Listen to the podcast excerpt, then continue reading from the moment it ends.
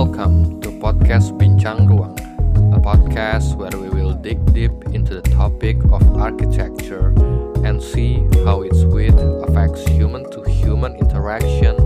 Its length embodies the most complex philosophical problems, and its height affects human spirituality. Sit back and listen to how the space around you is built with multidimensional paradigm.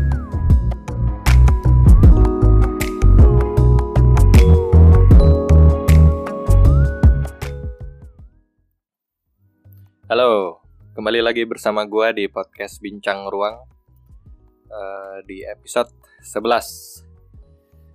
Hmm. Jadi ini gue rekaman udah jam telah menunjukkan di angka jam 12 malam dan gue baru pulang tadi dari kantor sekitar jam 11 eh jam 9 dan gue membutuhkan perjalanan satu jam untuk sampai rumah sampai rumah jam 10 dan karena gue selalu makan di rumah kalau makan malam jadi gue baru makan jam 10 makan malam. Setelah gue makan malam dan akhirnya gue selesai makan ngobrol-ngobrol dulu lah bersama keluarga. Kemudian gue mandi dan akhirnya sampailah di jam 12 Eh, dan gue capek banget sebenarnya. Karena eh, lu pernah nggak sih kayak lu kerja dan udah apa ya lu sudah mengerjakan tuh sampai 90% gitu? Lu mengerjakan sudah sampai 90% apa pun pekerjaan lu dalam kasus gua mungkin uh, membuat gambar ya gambar arsitektur. Udah selesai 90% dan kenapa gue bilang 90% karena gue sisakan 10% nya untuk adanya error-error di dalam gambar yang perlu gue periksa ulang kembali. Jadi sebenarnya gambarnya sudah selesai semua. Dan gue sisakan 10% untuk antisipasi adanya potensi yang kurang-kurang. Seperti itu. Jadi sudah 90% kemudian tiba-tiba ada perubahan lagi gitu ada perubahan dan lo harus mengulang dari anggap saja 20%. Jadi ada sekitar 70% yang lo harus ulang kerjakan kembali.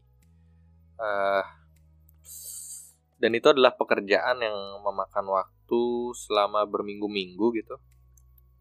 Karena lu bayangin kertas A3 itu sebanyak 200 lembar dan isinya adalah gambar semua gitu. Jadi kalau ada 200 lembar sekitar 70 persennya lah. 70 persennya berarti ada sekitar 140 lembar yang harus lu gambar ulang. Ya kira-kira uh, estimasi kasarnya seperti itulah.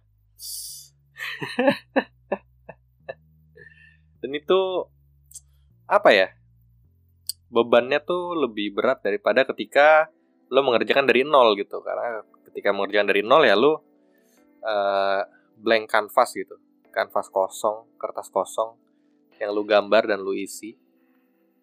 Tapi ketika lu sudah mengerjakan dan lu harus mundur 70%, istilahnya lu nggak bisa lu nggak bisa mengerjakan ulang lagi gitu 70%. Tapi lu harus revisi sebanyak 70% revisi ya.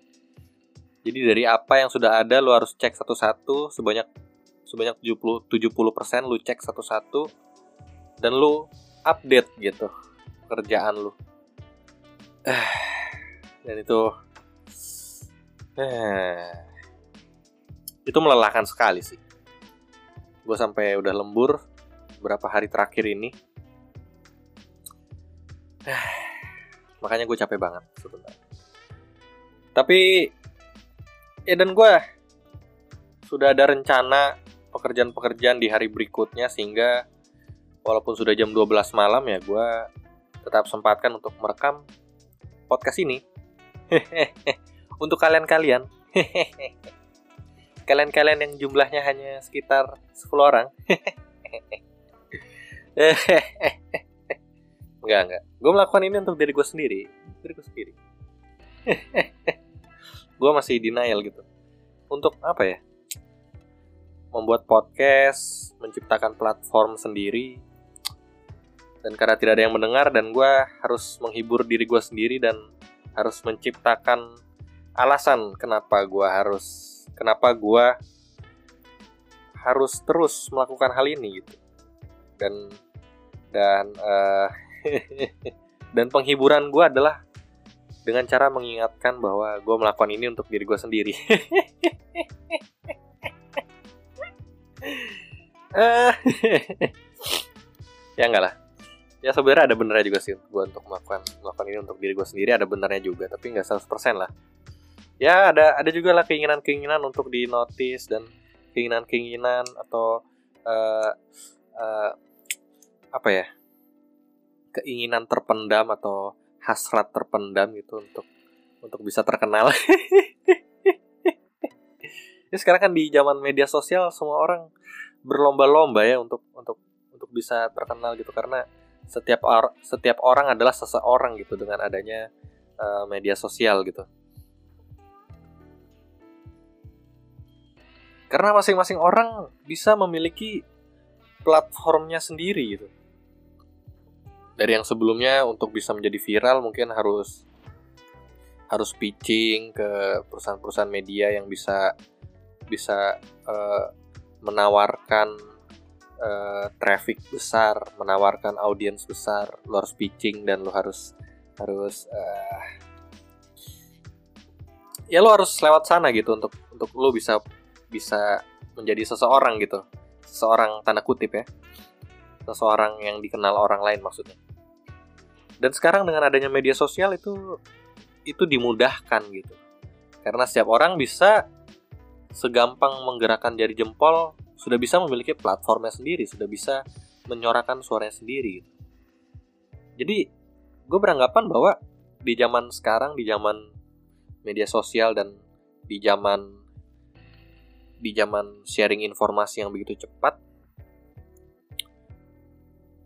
setiap orang adalah seseorang dan pasti ada hasrat-hasrat terpendam itu untuk untuk untuk uh, untuk untuk bisa terkenal dan bisa bisa menggapai sebuah berlian yang bernama fame.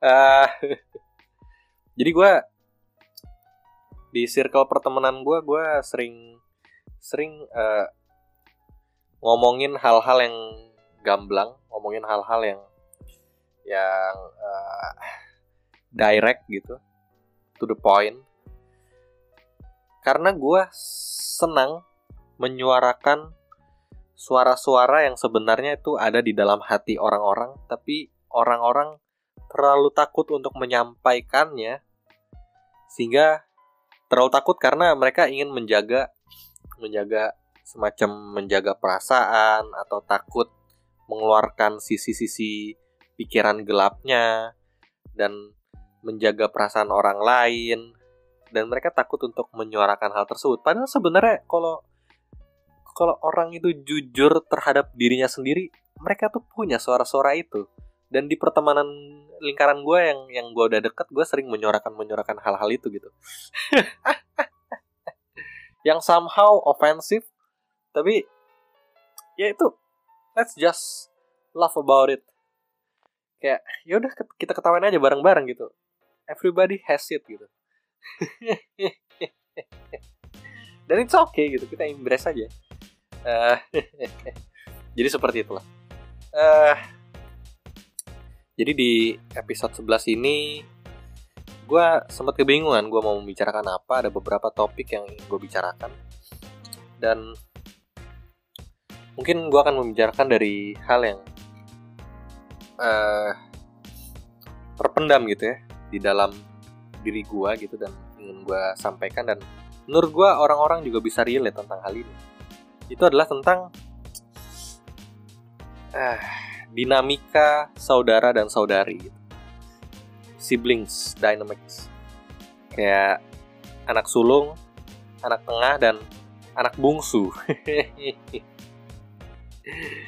Ini adalah suatu hal yang gue pertama kali uh, pertama kali sebenarnya gue udah secara alam bawah sadar gue sudah bisa menangkap adanya dinamika dinamika anak sulung anak tengah dan anak bungsu.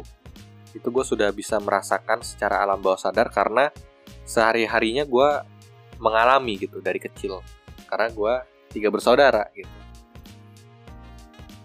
Tapi gue mulai melek dan gue mulai coba mengulik dan gue mulai mencoba merefleksikannya ketika gue menonton NKCTHI gitu. Nanti kita cerita tentang hari ini. Dan itu film sangat bagus nih. Bagus banget bagus. Saking bagusnya gue sampai ngotot untuk ngajak orang tua gue untuk nonton gitu. Eh mah pah kita nonton ke bioskop gitu.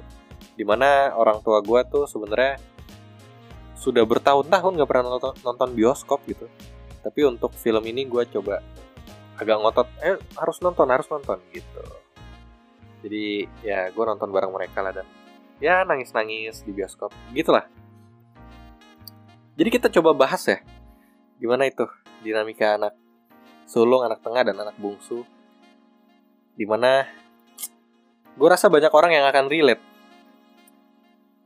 Kita mulai uh, dari beberapa hari yang lalu gue ngumpul bersama teman-teman gue teman-teman lama.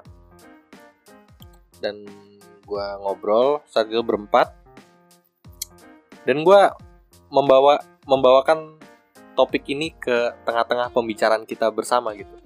Topik tentang uh, kebiasaan-kebiasaan anak sulung kebiasaan-kebiasaan anak tengah dan kebiasaan-kebiasaan anak bungsu. Dan dua orang teman gue ini adalah anak sulung dia anak tertua gitu. Dan mereka mereka ya setelah gue brought up this topic mereka mulai curhat gitu tentang gimana struggle mereka menjadi anak sulung. Anak sulung ya. Jadi mereka tuh bilang dan mereka berdua itu setuju karena mereka berdua ya. Dan mereka berdua tuh bilang ya, jadi anak sulung itu kayak semuanya itu sudah ditetapkan buat lu gitu. Ada hal-hal apa ya ekspektasi orang tua dan itu udah jalannya harus begini ya. Ini kamu anak tertua gitu kamu harus harus begini gitu. Ini ya begitulah. Kamu adalah suatu saat kamu akan menjadi uh, uh, apa ya pemimpin keluarga inilah karena kamu yang tertua gitu kamu yang harus melindungi gitu adik-adik kamu gitu. Dan kamu adalah uh, somehow mungkin muka dari keluarga inilah karena kamu anak sulung gitu. Jadi mereka merasa semuanya sudah ditetapkan gitu. Dan mereka tidak punya apa ya mereka tidak bisa berkata tidak gitu ketika karena di balik di balik itu ada ekspektasi yang sangat berat sehingga mereka tidak bisa mengatakan tidak. Contohnya adalah ketika ketika ya kita dikasih makan gitu misalnya nasi sayur ayam udah itu harus habis dan ya itu kamu harus terima gitu. Nggak bisa kamu bilang nggak bisa mengatakan tidak gitu. Karena kamu harus karena ada ekspektasi di balik itu gitu. Walaupun itu hal sesimpel makanan ya.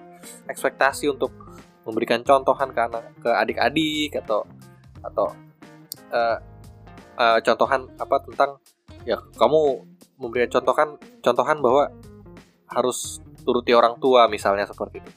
Dan jadi akhirnya kita tidak bisa berkata tidak gitu dan teman gue yang satu lagi ini adalah seorang anak bungsu gitu.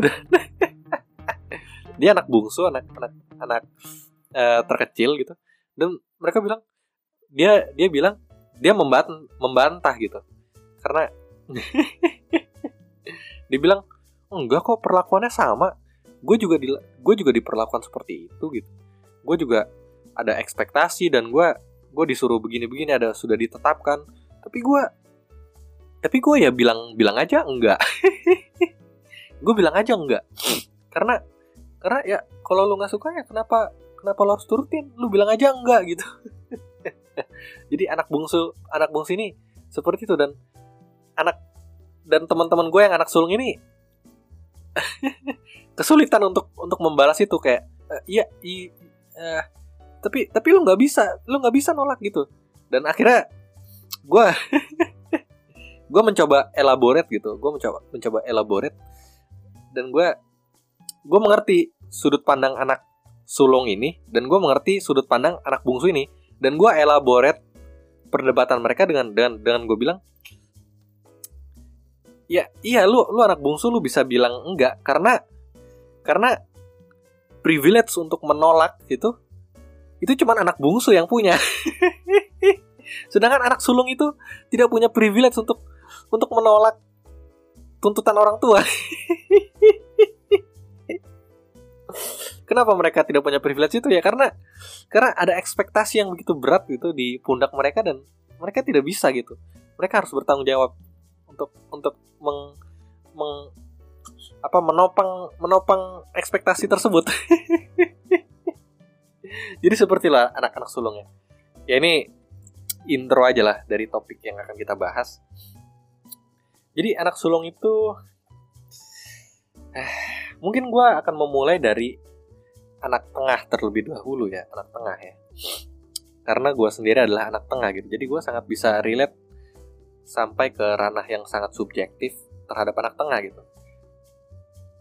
Anak tengah. Anak tengah itu adalah anak yang dilupakan. Anak yang tidak terlihat. Anak yang berada di tengah-tengah Bukankah itu sudah menjelaskan? Anak yang berada di tengah-tengah.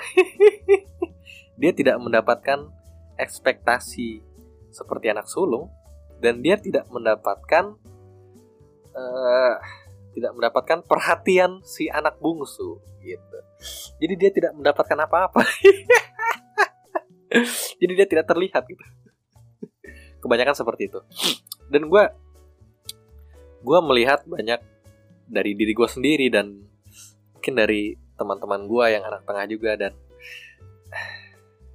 anak tengah itu punya tendensi untuk karena karena dia tidak terlihat gitu ya merasa merasa tidak terlihat. Jadi uh, anak tengah itu punya tendensi untuk gue harus terlihat. Ini loh gue gue gue gue harus terlihat. Ini ini nih ini mah pah papi mami uh, ayah ibu ini loh. Ini nih aku bisa gitu. Jadi punya tendensi seperti itu. Gimana? Gimana? Yang anak tengah nih. Bener nggak yang gue bilang? Lo lo lo kayak gitu nggak? Jadi biasanya biasanya nih biasanya ya. Biasanya anak tengah itu paling pintar secara akademis. Nilainya paling bagus atau kalaupun kalaupun dia tidak punya kepintaran tersebut, dia akan mencoba menunjukkannya dalam hal lain. Misal dalam ekstrakurikulernya lah atau dalam mungkin dia hobi bermain musik, dia akan coba menunjukkan ini loh, gua gua nih, gua nih yang paling jago nih di antara abang dan di antara adik, gua yang paling jago nih main musik gitu misalnya. Dan dia mencoba untuk ini loh, nih coba, nih, nih lihat nih aku nih, lihat aku, lihat lihat lihat. Karena dia tidak terlihat gitu dan itu berlangsung dari fase anak-anak sampai kira-kira mungkin sampai remaja ya. Itu itu punya tendensi seperti itu. Dan ketika sampai remaja dan mulai mencari jati diri itu mulai bercabang. Anak anak tengah ini mulai bercabang. Jadi ada ketika sudah mulai remaja dan ketika sudah sudah mencapai titik menemukan jati diri gitu mulai bercabang. Jadi dari yang tadinya fase kecil itu dia seperti itu dan ketika sudah sampai fase mencari jati diri dia akan mulai iya ya ngapain nih gue gue mencoba untuk mendapat pengakuan dari orang tua gitu. Pada akhirnya tuh juga juga gue nggak dilihat juga. Jadi ada dua cabang. Bisa yang nakal nakal banget dan bisa juga yang baik baik banget. Paling religius lah. Itu yang kalau yang baik ya. Nih lihat nih gue paling religius dibanding uh, abang dan adik gue dibanding kakak dan adik gue lihat nih gue paling paling baik gitu. Itu bisa bisa seperti itu. Dan bisa juga cabang lainnya adalah ya udah gue brengsek aja sekalian. Gue nakal aja sekalian. Nih nih lihat nih jadi ada sebuah survei yang mengatakan bahwa anak yang paling nakal itu adalah anak tengah gitu. Jadi dari situlah menurut gua ya ini refleksi diri gua sendiri jadi uh, jangan dianggap sebagai kebenaran gitu. Jadi gue cuman ngomong ini aja dan dan uh, ya dan gue cuman ketawa aja ketika orang lain bilang oh iya juga ya iya juga ya. Ya gue ketawa aja. Uh, dan kalaupun nggak benar ya ya ya udah nggak apa-apa juga sih. Karena gue memang tidak ada dasarnya untuk ngomong ini. Dan ini untuk jadi kita kita jadikan komedi aja gitu. Kita ketawain aja dan kita embrace gitu. Dengan dengan kita tertawa itu kita bisa embrace gitu. Ya udah emang seperti itulah gitu. Jadi itulah anak anak tengah ya. Dan biasanya anak tengah itu paling chaotic karena dia berada di tengah-tengah tidak di atas dan tidak di bawah dia dapat melihat ke atas melihat sosok yang ada di atasnya secara hierarki dan dia bisa juga melihat ke bawah sosok hierarki yang ada di bawahnya dia. Jadi dia berada di tengah-tengah dan dia biasanya lebih chaotic dan lebih fleksibel, lebih dinamis, lebih bisa menempatkan dirinya di posisi atas dan bisa menempatkan dirinya di posisi bawah gitu. Karena dia tahu rasanya berada di karena dia tahu rasanya menatap ke atas dan dia tahu rasanya menatap ke bawah. Dia ada di tengah-tengah. Jadi dia biasanya paling fleksibel gitu ya dan kadang-kadang sering kali itu menjadi seperti namanya anak tengah. Dan itu adalah kata inti dari penengah. Kalau abang atau adiknya ada apa ya dia jadi penengahnya gitu. Karena seorang abang itu biasanya yaudah gue begini, gue begini. Karena abang ya ya abang dia cuma bisa melihat ke bawah gitu dia nggak ada yang di atasnya lagi gitu. Dan seorang adik ya dia cuma bisa melihat ke atas gitu dan ya ini aku loh gitu yang kecil. Dan dia nggak bisa lihat ke bawah di bawahnya nggak ada apa-apa lagi. Jadi kadang-kadang bentrok tuh abang abang dan adik gitu. Dan biasanya anak tengah itu yang menengahi gitu karena dia yang paling bisa merasakan dua-duanya. Ya ya gue ngerti lu. Gue ngerti abang gue ngerti adik gitu. Seperti itu. Gue adalah abang dan gue adalah adik juga gitu. Tapi kalau seorang abang dia tidak tahu rasanya menjadi seorang adik. Dan seorang adik itu tidak tahu rasanya menjadi seorang abang gitu. Jadi biasanya menjadi penengah. Biasanya, biasanya. Nggak nggak tentu benar. Terus ini ada lagi satu hierarki yang sedih sih menjadi anak tengah itu. Jadi anak tengah itu kenapa tidak terlihat karena ada hierarki yang harus dijaga untuk menjaga menjaga uh, menjaga hierarki atau menjaga kemuliaan nama seorang abang, menjaga menjaga status abang. Jadi abang tuh gue kasih contohnya seperti ini, gue kasih contohnya. Gue gue coba kasih contoh ya. Begini. Ketika ada acara gitu dan semua anak mendapatkan hadiah, coba lu bayangin lu jadi orang tua ya. Jadi lu harus memberikan ketik lu bayangin lu punya tiga anak karena kita sedang membicarakan anak sulung, anak tengah dan anak anak bungsu ya. Jadi bayangin lu punya tiga anak. Dan suatu acara, lu harus memberikan ketiga anak tersebut sebuah hadiah gitu. Entah itu acara apa pun. Ya bisa tahun baru, atau mungkin uh, saat uh, acara keluarga tertentu, mungkin acara agama seperti misalnya lebaran, dan lu harus membelikan misalnya baju lebaran, atau ketika misalnya uh, Natal, dan lu biasanya kan ada kado Natal, dan lu harus memberikan ketiga anak lu sebuah hadiah. Dan lu ketika lu sebagai orang tua lu harus menjaga menjaga kesulungan si anak sulung menjaga hierarki si anak sulung menjaga pride si anak sulung kemuliaan si anak sulung apa ya menjaga. Ya begitulah. Jadi kalau lu membelikan anak sulung lu sebuah hadiah yang harganya 700 ribu oke si anak sulung gue beliin yang harganya 700 ribu. Hmm ya ya. Ini cocok nih buat dia nih. Terus ya udah oke lu beli. Tet 700 ribu buat si anak sulung. Terus misalnya mobil-mobilan lah. Oh ini mobil-mobilan harganya 700 ribu buat si anak sulung. Dan lo harus mikirin juga kan si anak tengah nih gue beliin apa ya? Lo nggak mungkin kan membelikan mobil-mobilan yang harganya 900 ribu. Karena uh, lu lu ngerti kan? Karena ya masa si abang aja udah kita beliin 700 ribu masa adiknya kita beliin yang 900 ribu yang lebih mahal? Ya kita beliin yang kira-kira harganya sama atau yang harganya di bawahnya lah. Ya kita beliin yang ya harga tujuh ratus ribu atau misalnya aduh karena uang kita terbatas ya kita beliin yang lebih murah lah yang di bawahnya yang harganya empat ratus ribu gitu. Karena karena ada hierarki di situ. Dan si anak bungsu ya anak bungsu sama dia dia terjerat akan hierarki tersebut. Ya udah anak bungsu kita belikan yang lebih murahnya lagi ya kita beliin yang 300 ribu misalnya. Tapi tapi anak bungsu anak bungsu punya kelebihan yang tidak dimiliki anak tengah. Anak bungsu itu adalah istilahnya adalah anggota keluarga yang paling lemah di dalam keluarga tersebut. Ya karena dia adalah uh, ya bungsu yang paling kecil yang uh, yang secara umur itu paling kecil gitu. Dan dia adalah anggota keluarga yang paling vulnerable gitu. Kalau kita bicara secara biologically uh, psikologi ya. Dan tentu sebagai sebuah tribe atau keluarga atau sebuah ya itulah tribe ya suku sebagai satu keluarga tentu orang-orang yang besar punya tendensi untuk melindungi anggota keluarga kita yang paling lemah gitu. Karena nih yang paling lemah kita harus paling jaga nih. Dia paling paling vulnerable paling paling berpotensi mengalami kecelakaan atau atau sesuatu yang kita tidak inginkan gitu. Dan ketika terjadi sesuatu yang bahaya terhadap si anak bungsu ini itu akan kita bakal terseret juga gitu. Kita bakal harus bertanggung jawab juga untuk untuk menanggulanginya nih gitu. Seperti itu. Jadi anak bungsu ini mendapatkan perhatian yang lebih gitu. Gitu.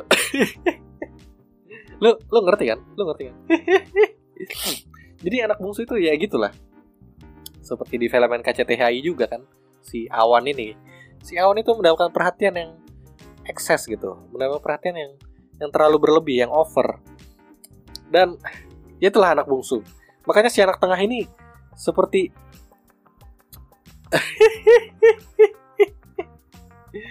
seperti uh, aku ingin mendapatkan ekspektasi abang dan aku juga ingin mendapatkan perhatian seorang adik. eh, eh, eh. Itulah anak tengah. Kasihan sekali ya. Sampai di satu titik ya udah, ya udah gue pergi aja gitu. Gue gua nggak dapetin kedua-duanya. Gue gue gue anak yang hilang gitu. Gue tidak tidak mendapatkan apa-apa gitu. Jadi si anak tengah di film NKCTI si Aurora gitu dan di satu adegan ketika mereka kumpul keluarga dan terjadilah perdebatan di keluarga dan si Aurora ini ngomong gitu eh, pertama si bapaknya ngomong bapaknya ngomong seperti ini bapak tuh nggak mau kehilangan kehilangan apa? Kehilangan anak gitu. Bapak tidak mau. Terus si anak tengah ini si Aurora bilang bapak itu nggak sadar. Bapak itu udah kehilangan sudah kehilangan aku dari lama. Wah gila itu. Gue nangis gue nangis banget gue nangis banget. Karena gue gue bener-bener merasakan gitu.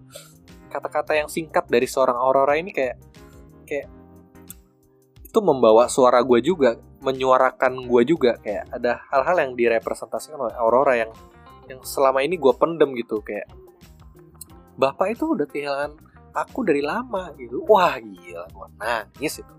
Hanya karena satu lines itu aja satu line itu aja. Ah gila. It ya seperti itu anak tengah. Ah gimana gimana gimana gimana?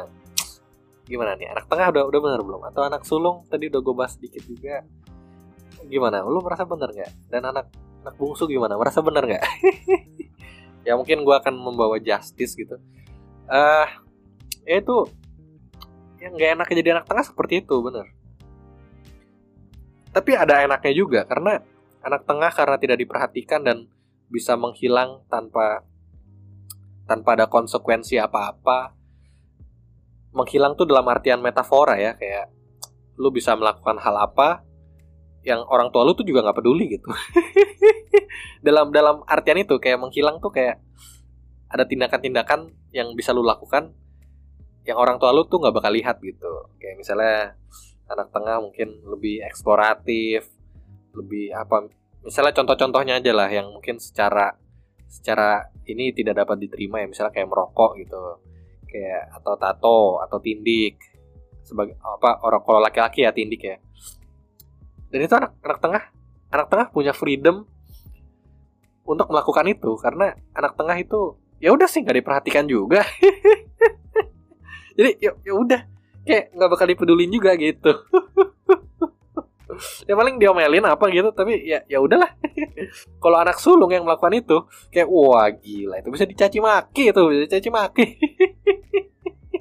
Dan kalau anak bungsu yang melakukan itu kayak wah itu orang tua bisa mewek gitu bisa mewek bisa nangis nangis itu kamu kenapa begini? Karena anak bungsu kan diperhatikan banget ya ketika mereka mungkin melakukan hal-hal yang nakal ya kayak wah, wah kenapa kamu begini? Papa itu atau mama itu peduli sama kamu sayang banget sama kamu kenapa kamu uh, sampai ini tato atau misalnya merokok atau apa? Dan kalau anak sulung ya itu kebalikannya karena ada ekspektasi kamu memberikan hal yang contoh contoh yang baik gitu. Lihat tuh keluarga tuh om si si om itu tuh coba kamu kan gak enak kalau dilihat tuh kamu apa uh, tatoan itu. Anak sulung seperti itu. Tapi kalau anak tengah ya paling diomelin gitu. Ya diomelin juga sih tapi tidak ada ekspektasinya tidak ada ekspektasi yang berlebih dan tidak ada kasih sayang yang berlebih juga. Jadi kayak ya, ya udah lakuin aja. Ah ya seperti itulah. Jadi itu keuntungannya menjadi anak tengah ya seperti itu. Dan gue coba bahas anak sulung ya. Mungkin gue nggak ya gue maaf nih untuk anak-anak para anak sulung kalau gue mungkin pembahasannya uh, mungkin kurang ya karena gue sendiri tidak merasakan sebagai anak sulung gitu. Tapi gue mencoba mengerti dan gue mencoba merefleksikan gitu. Anak sulung itu ya bener ekspektasinya tuh sangat sangat berat ya sangat berat. Kayak kamu harus kasih contoh kamu adalah adalah uh, kamu ada tulang punggung dari keluarga ini. Suatu saat kamu adalah akan menjadi tulang punggung gitu. Ada tanggung jawab itu yang bener-bener udah dari lahir itu tanggung jawab udah dibebankan gitu ke dia. Dan itu ada ekspektasi untuk memberikan contoh secara moral, memberikan contoh secara finansial, memberikan contoh secara akademis dan lain-lain lah dalam pernikahan. Dan banyak itu itu dan itu berat sekali berat sekali. Dan beban beban-beban itu itu hanya bisa dipendam sendiri oleh anak sulung karena dia tidak bisa membagikannya ke adik-adiknya gitu. Dan itu yang membuat menjadi semakin berat gitu. Kayak si siapa itu ya di NKCTHI si anak sulungnya itu yang si cowok itu? Aurora Awan Angkasa Angkasa. Ya si Angkasa. Jadi dia ada burden yang dia dia pendem sendiri dan dan nggak bisa di share ke adik-adiknya. Deh di mana dia ketika melihat adik-adiknya kok lu bebas banget sih sialan lu? Kayak kayak gitu di dalam hatinya mungkin akan ada rasa itu. Lu enak banget ya lu. Gue nggak bisa kayak gitu. Nah kayak gitu. Sulung mungkin ya. Gue nggak bisa kayak gitu loh. Gue nih ada tanggung jawab ada beban nih. Gue gue nggak bisa sebebas lu gitu. Dan itu ada beberapa hal yang menyebabkan hal itu sih sebenarnya. Karena anak sulung ya dia yang paling tua. Dia paling tua ya. Let's say seminim-minimnya dia lebih tua satu tahun daripada adik terdekatnya kan? Jadi dia sudah pada fase di mana dia sudah satu tahun itu kalaupun satu tahun ya perbedaan umurnya dia sudah satu tahun lebih dulu melihat sisi orang tuanya gitu. Ketika yang masuk SMA duluan misalnya jenjang apa? Jenjang pendidikan ya. Dia masuk SMP duluan jadi dia melihat melihat lebih dulu orang tuanya menghadapi anaknya yang masuk SMP dia adalah orang pertama yang akan deal with her or his parents when his his or her parents deal with junior high school gitu. Mempersiapkan anaknya masuk SMP dan dia melihat orang tua kan juga berkembang juga ya berkembang seiring dengan pertumbuhan anaknya dan orang tua kan tentu belajar juga oh ketika anak anak umur segini akan begini-begini ketika anak sudah sampai TK akan begini-begini ketika anak sampai remaja akan begini-begini. Dan itu orang tua kan juga belajar dan itu apa yang orang tua belajar dan apa yang orang tua mungkin sedang mempraktekkan apa yang dia pelajari itu pertama-tama akan diturunkan ke si anak sulung akan dicoba dalam kata tanda petik ya apa istilah kasarnya mungkin ya dicoba atau dieksperimenkan pertama-tama ke anak sulungnya terlebih dahulu gitu. Jadi ketika masuk ke SMP eh, tentu anak sulungnya dulu kan yang masuk SMP dan itu itu jadi anak sulung itu bisa melihat sisi orang tua yang mungkin tidak dilihat oleh adik-adiknya gitu. Karena dia yang pertama akan menghadapi sisi orang tua ketika orang tua mempersiapkan anaknya masuk SMP misalnya. Ketika anaknya masuk SMA misalnya, ketika anaknya masuk kuliah misalnya, dia menghadapi sisi orang tua yang masih bimbang, sisi orang tua yang mungkin ada yang orang tua yang otoriter, ada yang orang tuanya bebas. Dia dialah orang pertama yang menghadapi menghadapi uh, apa ya sikap-sikap orang tua dalam dalam jenjang hidupnya gitu. Dan ketika satu tahun kemudian ketika si adiknya mulai menyusul. Itu pun kalau beda umur satu tahun ya. Bisa aja beda umurnya tiga tahun bisa saja beda umurnya dua tahun bisa saja beda umurnya lima tahun kan. Ke adiknya. Sorry. Ketika adiknya mengalami fase yang sama seperti abangnya jadi abangnya udah masuk SMP dan sud sud, sud udah udah udah lewat masa SMP-nya sekarang giliran adiknya nih yang masuk SMP adiknya itu sudah adiknya menghadapi orang tua yang sudah yang dia sudah lihat sebelumnya. Oh nih orang tua gue ketika abang gue masuk SMP, orang tua gue bakal begini nih.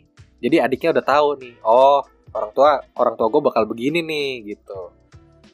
Eh lu lu ngerti kan? Jadi anak sulung itu ada hal-hal yang dia first in line gitu, in the front line uh, di di di lini terdepan dari medan perang dalam menghadapi orang tuanya gitu gitu. Ah gue perlu ulang lagi nggak? Udah eh, udah ngerti lah ya kira-kira. Jadi ketika adiknya menghadapi fase hidup yang sama masuk SMP misalnya adiknya mau masuk SMP juga dia udah udah udah punya pengalaman oh dulu waktu abang gue masuk SMP begini nih gitu. Orang tua gue begini gitu seperti itu. Dan satu hal lagi ya itu dari dari segi waktu ya dia lebih emang lebih dulu sih anak sulung itu. Dan itulah yang menambahkan burden dari anak sulung ya. Moga-moga gue membawa justice nih buat anak anak-anak sulung.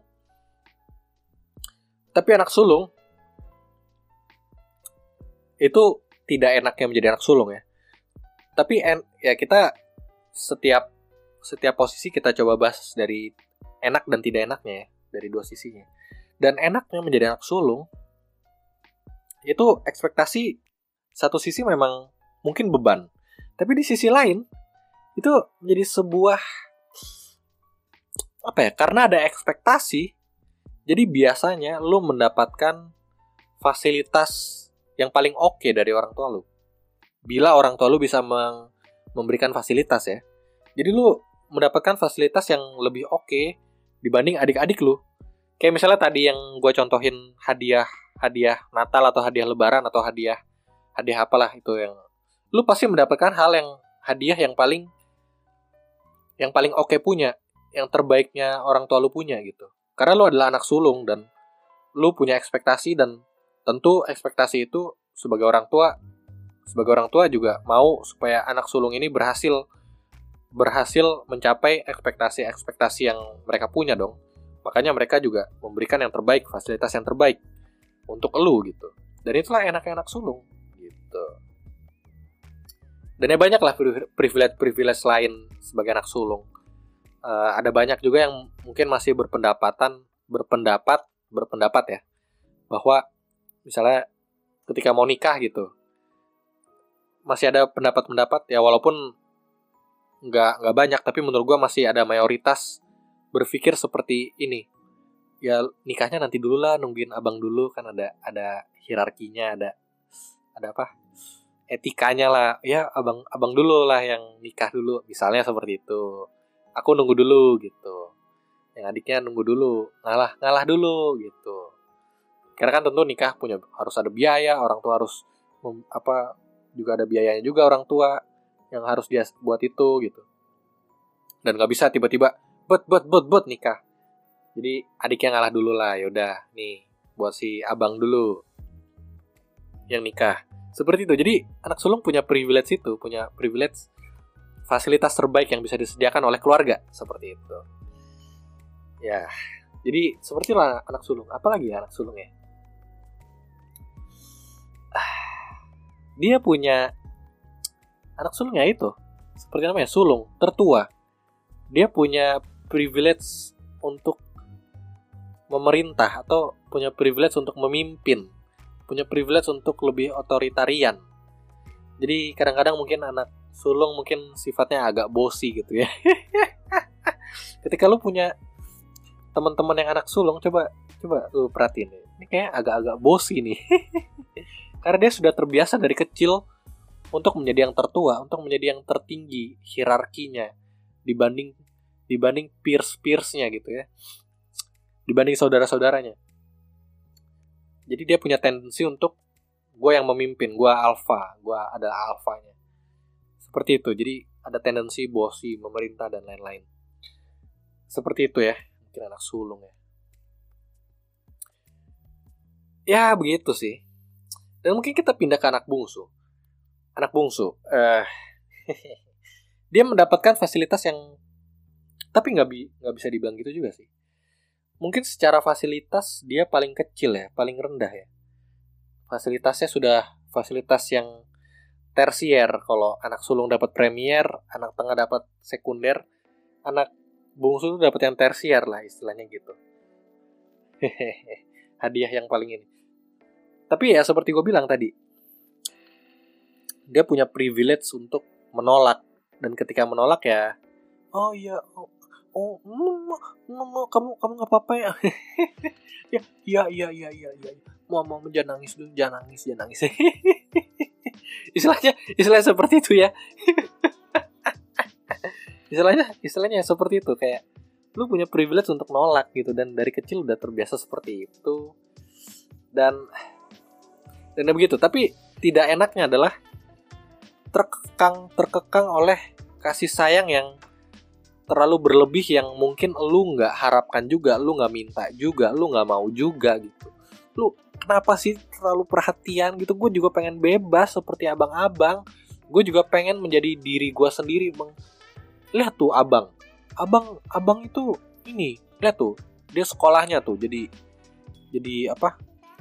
sudah sukses menjadi engineer gitu atau sukses sukses menjadi pemusik atau sukses uh, menjadi uh, apa namanya seniman gitu misalnya atau pelukis atau uh, graphic designer atau podcaster sukses dan terlihat happy bisa bisa aktualisasi dirinya sampai aku melihat abang-abangku seperti itu gitu. Tapi kok aku aku mau begini nggak boleh. Nanti katanya bahaya atau nanti katanya nggak bagus atau apa. Uh, aku pengen begini nggak boleh. Nanti katanya begini atau apa. Kayak aku juga pengen aktualisasi diri. Aku ingin menjadi diriku sendiri tidak tidak menjadi apa yang papa mama inginkan untuk aku gitu mungkin mungkin seperti itu ya karena perhatiannya terlalu berlebih dan karena ada per, karena ada perhatian tentu ada kekhawatiran. Ke, perhatian kan muncul dari khawatir ya. Dari kekhawatiran. Jadi jadi cenderung waduh khawatir nih si anak anak kecil kita nih. Anak kita yang paling kecil uh, Daddy's Little Girl gitu ya kayak ada ya seperti itulah lu sering dengar quotes ya kan Daddy's Little Girl. Kayak inilah anak terkecil aku khawatir nanti nanti kamu begini kamu kamu jangan begitulah. Ini aja nih nih papa udah kasih nih atau mama udah kasih nih udah kamu gini aja. Ini lebih aman kamu jangan ambil yang resiko-resiko lah. Papa mama tuh khawatir kalau kamu nanti begini kamu begitu. Gitu seperti itu seperti itu. Jadi kadang-kadang ya dia ah ya sedih juga sih mungkin ya kadang-kadang. Jadi terkekang dengan hal itu gitu. Dan ya begitu. Dan ya Awan kan seperti itu ya di cerita itu. Dia uh, dia terkekang dengan itu dan kadang-kadang harus ngumpet-ngumpet supaya nggak ketahuan untuk bisa mengaktualisasikan dirinya untuk bisa untuk bisa punya adventure dalam hidupnya punya excitement dalam hidupnya gitu. Karena karena terlalu ya begitu gitu. Ya gitulah lo ngerti lah. Tapi ya karena anak bungsu ya tadi seperti yang gue bilang di awal ya dia punya privilege untuk menolak gitu dan uh, tinggal tinggal nangis gitu apa ini aku tuh nggak mau gitu kan kamu mama ini nanti kamu begitu mama papa ini. Mama mama mama aku tuh maunya mau maunya tuh begini tapi tapi pak pak papa papa begitu gitu. Dan, iya iya iya jangan nangis jangan nangis. Iya iya iya iya papa. Iya nanti papa begini ya nanti mama mama begini iya jangan nangis iya kita tuh sayang sama kamu. Nanti kamu jangan beginian.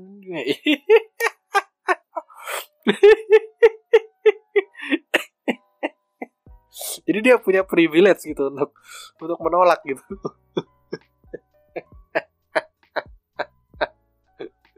Jadi kira-kira seperti itulah ya dinamika anak sulung anak tengah dan anak bungsu gitu. Dan ya ketika anak bungsu ya punya tendensi mungkin ketika udah terlepas dari kekangan itu dia langsung wah seperti anjing baru lepas dari kandang gitu. Bisa langsung wah ke sini ke sana ke sini ke sana bisa liar juga. Ya itulah bisa bercabang juga mungkin ya. Bisa yang yaudah nurut dan jadi anak baik-baik aja dan ya bisa juga jadi ketika ada perubahan dari orang tuanya mungkin langsung jadi liar gitu atau begitu terlepas gitu langsung jadi liar kan seperti itu ya. Jadi gue gue selalu berusaha untuk memaparkan dua sisi ya. Memaparkan positifnya dan memaparkan negatif ya moga-moga gue memberikan justice terhadap topik ini dan bagi ketiga role gitu bagi anak sulung anak tengah maupun anak bungsu gue harap gue bisa memberikan justice dengan apa yang udah gue bahas dan ya gue harap sih bukan menjadi sesuatu yang iya anak sulung begini anak tengah begini anak muda. Gue harap sih nggak jadi kayak gitu tapi menjadi sesuatu yang ya udah kita ketawain aja bareng-bareng gitu. Dan ketika ngumpul bareng teman dan lu posisinya adalah anak sulung dan teman lu ini misalnya anak bungsu dan ya udah let's let's let's love about it together gitu. Lu sih anak bungsu kan jadi begini lu juga anak anak anak sulung lu begini begini jangan bosi dong. Dasar lo jancuk.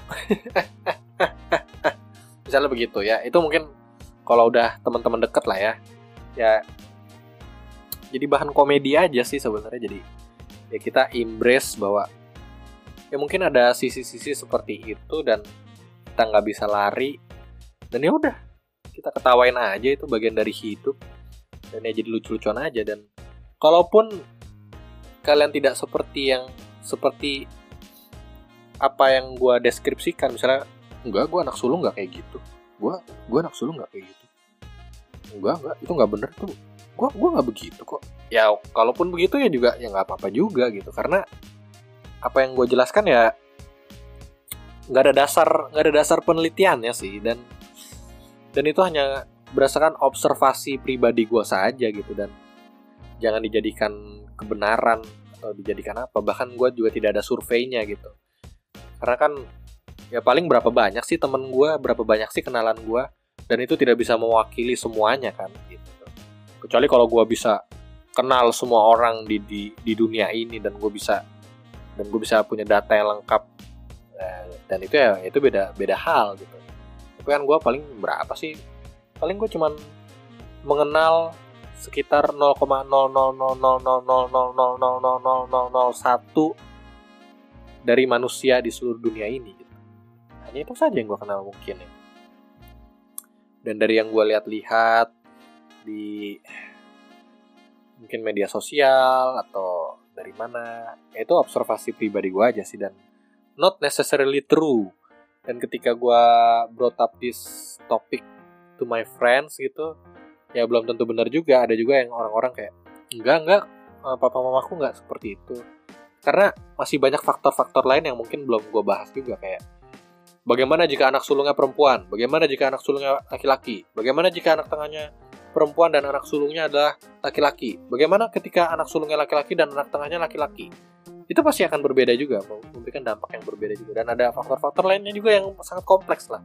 Dan makanya not necessarily true jadi ini gue harap hanya menjadi ya komedi aja. Kita bisa ketawa bareng-bareng. Dan ketika benar pun ya gue harap bisa resonance lah ke banyak orang. Dan bisa relate.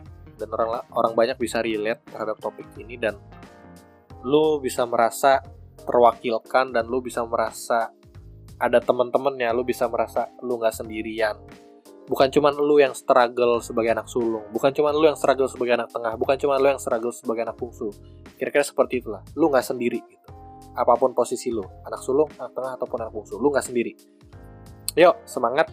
Kalaupun ada yang sesuatu yang mungkin tidak enak dari posisi lu sebagai anak sulung tidak enak dari posisi lu sebagai anak tengah tidak enak dari posisi lu sebagai anak bungsu let's just love about it. Okay man? And let's just move on with our life gitu.